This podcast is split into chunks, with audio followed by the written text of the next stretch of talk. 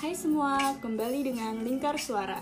Di episode pertama ini kita akan membahas tentang kesehatan mental di masa pandemi. Kali ini aku nggak sendirian nih, aku ditemenin sama dua orang teman-teman aku. Pertama ada Kak Hai Adi. semuanya, Eh, aku Adin. Aku kuliah sekarang di jurusan psikologi. Dan ada aku, eh, Obi, mahasiswa antropologi budaya.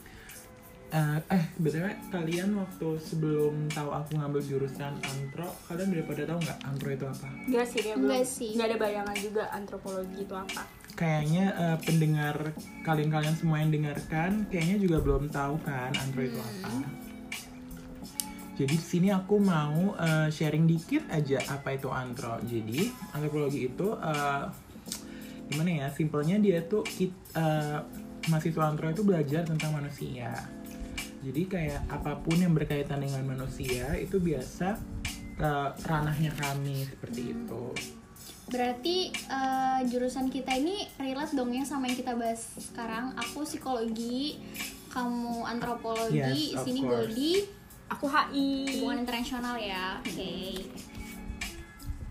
Terus tuh kan kita udah karantina selama tiga bulan lah ya. Ya. Terus udah jalanin kuliah online juga. Mm-mm. Hmm, Gimana sih karantina kalian selama tiga bulan terakhir ini?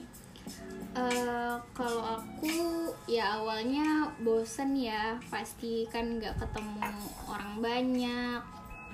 Ya bosen lah ya. Ditambah kuliah online. True. Eh, kayak materinya tuh kurang masuk di otak gitu. Kalau kamu gimana? Uh, kalau aku sih kalau uh, masa kuliah gini tuh sometimes kayak bikin itu loh kayak gimana ya jadi kayak ada nggak sesuai korela apa sih perjanjian awal. Jadi kayak kalau di kampusku kayak kan udah dikasih kayak awalan kayak no hard feeling no hard feeling. Nggak ada tugas nggak ada uas. Oh eh oh dijanjiin tiba-tiba yang nggak memberatkan Iya. mahasiswa gitu. True, awalnya ya awalnya ya teman-teman kayak. Iya aku Tapi- juga sih. pas tengah-tengah kayak kayak gue tuh pas buka notif kayak oh my god Oh, what's iya, iya, happened? Ha. langsung kayak Hmm. Aku mau bilang kayak bitch kayak ngerti gak sih ya. kayak kalau kamu gimana mau Awalnya tuh harusnya kan. ada matkul yang gak ada uas. Kita benar-benar gak ada uas, cuman kayak tugas presentasi. Tapi gara-gara ini akhirnya tiba-tiba uas, tiba-tiba UTS. Dan harusnya kita nggak ada UTS sama uas. Tapi kalau aku malah ada beberapa dosen yang nanya sebelum ngasih tugas ke kita tuh nanya dulu gitu loh kayak "E, kalian lagi banyak tugas apa enggak? Kalau lagi banyak tugas, tugas dari saya dikip dulu di entaran aja. Hmm, Kalian gak ada kayak gitu ya? ada sih cuma aku juga uh, beberapa dosen juga jadi kayak dekat gitu kayak pas uh, Google Meet something kan kayak pada nanyain kabar Nah, kayak nanya kayak nanya ke anak gitu loh kayak cute Iya, banget kayak- nggak belum pernah terdengar sebelumnya Terus juga ada dosen yang nyuruh jangan keluar-keluar ya, stay Oh, iya. safe. True, kayak kayak oh my god dia Jadi di samping ngasih materi juga dikasih Perhatian lah ya. wejangan lah ya gitu. iya iya, bener-bener banget kak Adin tapi kayak sometimes tuh bikin ini gak sih gue sih kalau ngerasa karena terlalu banyak gue sih orangnya kayak nggak bisa gitu loh di rumah doang Hmm. Harus Terus- beraktivitas keluar gitu. Iya benar banget, bosan banget, bosanan banget. Dan tuh sometimes bikin gue stres banget gitu loh, apalagi kuliah jadinya tuh dimajuin semua Ngaruh ke kan. mental kamu gitu ya. Bener bener banget. Kalian kalian gimana? Kalau dari aku sendiri sih ngerasa lebih banyak beban gak sih kuliah online ini kayak Iya, iya. tugasnya makin banyak. Terus emang harus sih kita nggak bisa sosialisasi sama orang kayak normal, nggak bisa keluar juga. Interaksinya kurang banget. Kadang meskipun mau kita introvert, ekstrovert juga kita Iya. butuh keluar, butuh sosialisasi secara biasa nyata. biasanya juga kalau kita bosen kita nugas tuh di luar kan nggak Iya. di rumah Bener, ya ampun, tapi kita banget. bosen ya mau gimana lagi ya tetap harus di rumah gitu kan Iya kita harus mutusin rantai itu. Yo, but ya we must do it. Terus uh, aku juga banyak baca nih di Twitter, terus aku lihat juga di TikTok atau di Instagram, Iya. kayak banyak banget mahasiswa ataupun siswa sekolah juga ngerasa kalau sekolah online, kuliah online tuh ngebebanin, tambah juga ada yang beberapa merasa mereka semakin stres karena terlalu lama di rumah. Menurut kalian sendiri gimana? Uh, jadi kalau aku sih ngelihatnya gini ya, kalau uh, kita nih kan punya apa sih? Uh, kita nih punya ini loh. Kita ngelihatnya dari digital kita, internet kita. Nah, jadi kita tuh ngelihat Indonesia saat ini tuh belum uh, apa ya menyediakan aspek-aspek yang memadai dalam bidang digital itu loh. Jadi kayak timbulnya apa ada kehadiran ini memperluas kesenjangan sosial kan. Kayak Indo- kayak Indonesia pun eh, apa sih kita tuh banyak provider ya yang memberikan diskon paket data dengan sambungan 4G LTE kan Hmm. Tapi kualitas sambungannya tuh nggak stabil dan itu tuh menjadi kendala besar nggak sih? Apalagi yang Sama juga provider wifi yang sangat terkenal lah ya. yang Itu- itu, yang itu.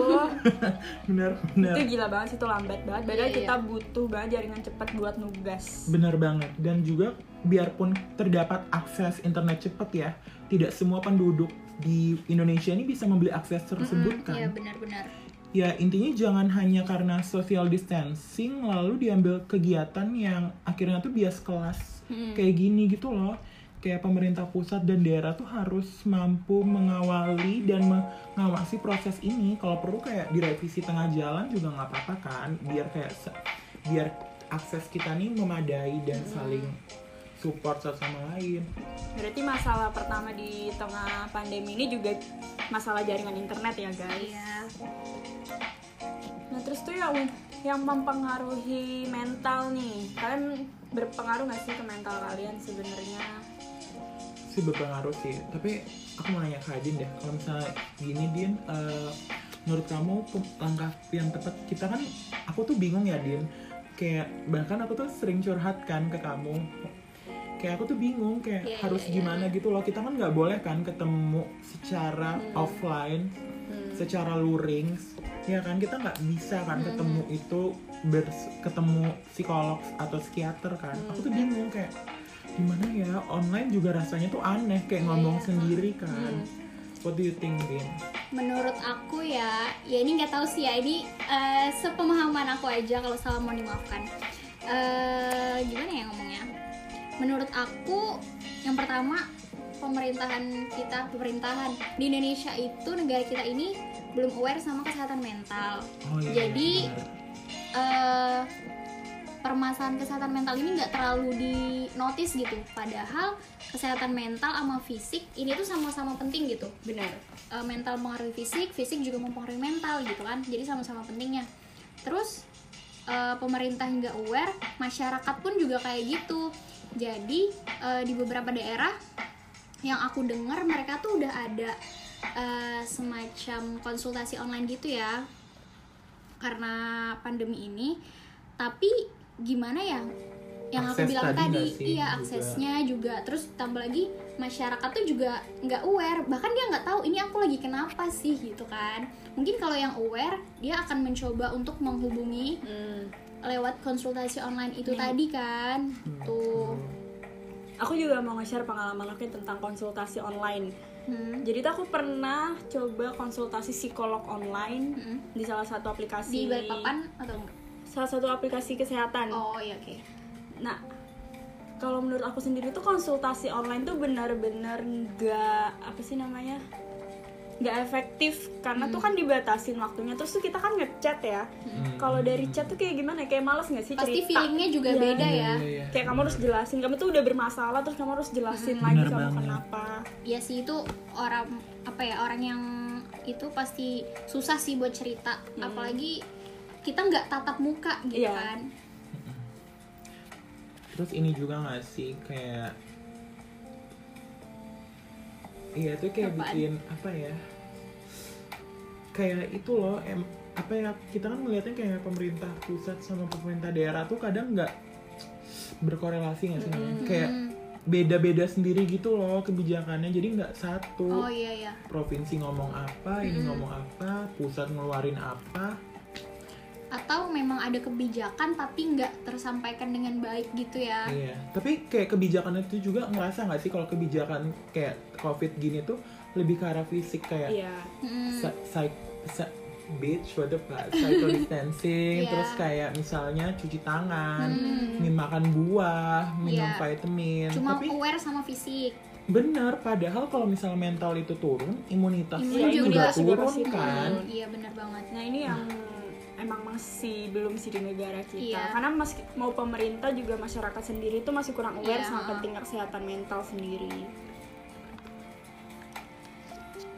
Terus selain kesehatan mental juga kan kita juga bu- punya kebutuhan spiritual dengan Tuhan ya apalagi ini habis Lebaran Oh, nih iya. kita Iya, nggak benar-benar. bisa oh iya benar ngejalanin Ramadan kayak biasa. bener banget iya iya dan aku juga kayak maksudnya kita ngeliat tadi kan eh, pemerintah pusat maksudnya pemerintah belum terlalu aware nih ya terus kayak gimana ya eh, caranya untuk setidaknya menenangkan diri lah setidaknya lebih merilekskan dan intinya jiwa bisa tenang gitu Hmm.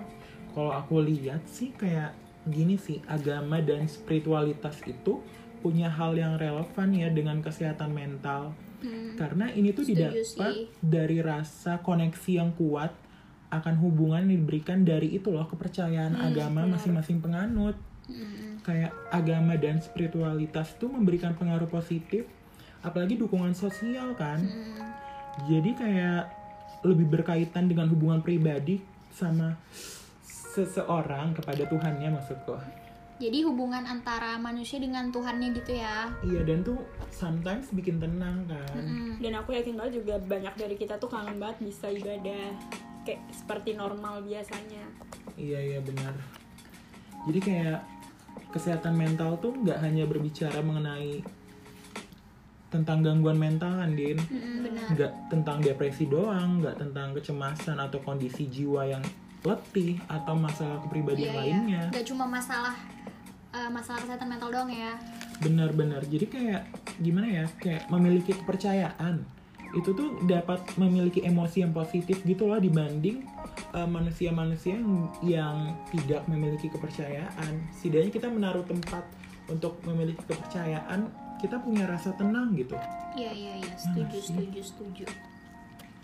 Habis itu kita uh, mau ngobrolin apa lagi ya? Ah sepertinya ini deh. Jadi intinya uh, spiritualisme itu menjadi jalur evakuasi bagi manusia yang sedang didera rasa cemas dan takut.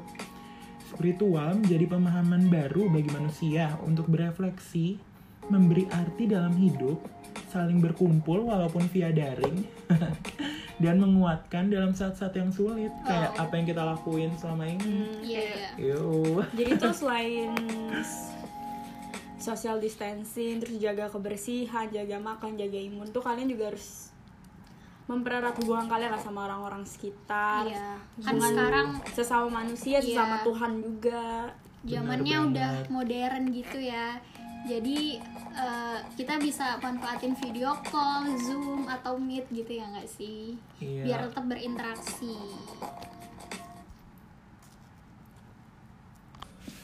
Hmm, iya ya. Apa jadinya ya ketika manusia tidak bisa lagi berkumpul dan berritual, tidak bisa bertemu dan saling menguatkan. Saat semua harus berdoa di rumah, harus beribadah di rumah, bahkan berpuasa di rumah. Hmm, hmm. Bener juga ya. Kalian tuh ngerasa gak sih kalau misalnya COVID-19 ini tuh malah waktunya untuk kita sebagai manusia tuh merefleksikan diri di mana kita Setuju, dapat setuju, beribadah secara khusyuk dan tenang. Hmm. Karena mungkin selama ini tuh kita kebanyakan hahaha hihi, ibadah Benar, jarang, benar. selalu keluar sana sini. Iya. Oh my God, yes. Iya ya. Jadi kayak gini loh, kayak kita akhirnya tuh bisa berdialog dengan hati kita yang mungkin selama ini kita abaikan. Hmm, hmm. Benar-benar. kayak nurani kita kita kesampingkan nggak pernah kita ajak bicara baru-baru ini loh kita kayak ngobrol sama batin kita sendiri Ya menurut aku juga ya kalau hati kita bersih, jiwa kita bersih, jadi eh, batin kita itu tuh juga ntar sehat gitu, fisik kita sehat, dah jadinya jiwa kita juga jadi sehat.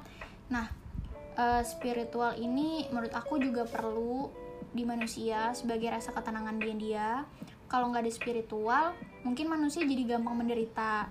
Tapi em, ini ya spiritual ini kalau misalnya orang eh, tanpa spiritual bukan berarti orang itu lepas dari penderitaan ya sebagai manusia juga kita pasti punya mengalami penderitaan bener-bener banget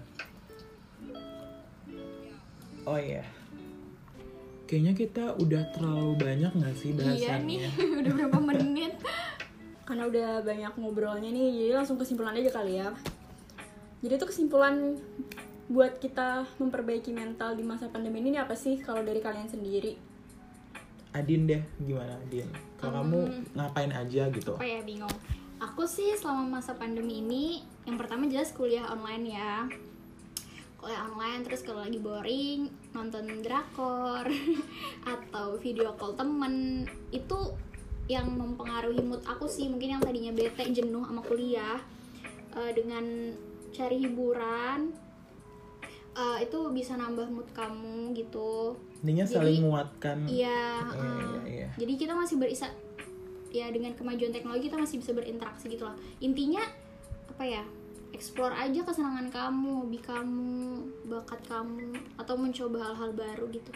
Kalau kalian gimana? Ah, tapi aku juga menekanin kalau misalnya emang udah nggak bisa nge-explore dan udah merasa down banget itu benar-benar harus cari pertolongan kan Iya banget, kita bener banget. ya harus ngubungin Gak ada salahnya nyoba konsultasi online. non. Yang uh, konsultasi itu bukan cuma orang yang bermasalah, karena emang itu tugasnya para psikolog Iya, gitu kan. dan karena kondisi kayak gini ya online itu tadi dan ketika emang ada cara lain mungkin bisa coba spiritual tadi yang aku Iya. bilang tadi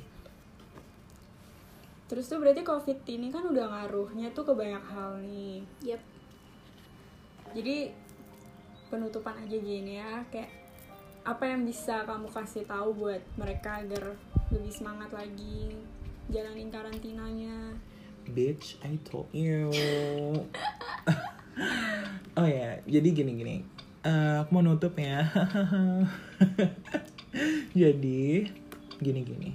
Manusia dan COVID-19 atau siapa pun virus yang ada nantinya sebetulnya memiliki level yang sama. Kita ini sama-sama mendiami alam semesta. Kita ingin sama-sama hidup di bumi ini. Tetapi manusia kan selalu merasa di atas awan. Semua bisa dilawan dan ketika tidak bisa dilawan manusia merasa resah. Manusia jadi stres. Kapan ya virusnya selesai? Kapan ya ada vaksinnya? Berapa lama kita be- harus ada di rumah? Selesainya seperti apa? Tidak ada yang tahu. Dari hal ini kita harus belajar yang namanya menerima ketidakpastian. Benar. Setuju. Ya intinya kita bisa berhenti dan merenung sejenak, melahirkan cinta dan menjalin kasih bagi sesamanya, bagi sesama makhluk hidup lain. Dari mereka yang pergi mendahului kita, mari kita doakan dan relakan. Bagi yang tetap hidup, mari sama-sama bertahan dan terus menjalin kasih. Jadi itu intinya kita harus saling merangkul satu sama lain. Yap. Jangan menjatuhkan. Juga kalian jangan lupa ngabarin teman kalian. Yep. Sekedar chat atau telepon. Dan juga jangan lupa beri apresiasi untuk diri kalian sendiri. Terima kasih sudah mau mendengarkan podcast kami. Jangan lupa episode selanjutnya ya. Sehat selalu, sampai jumpa. Stay safe. Bye.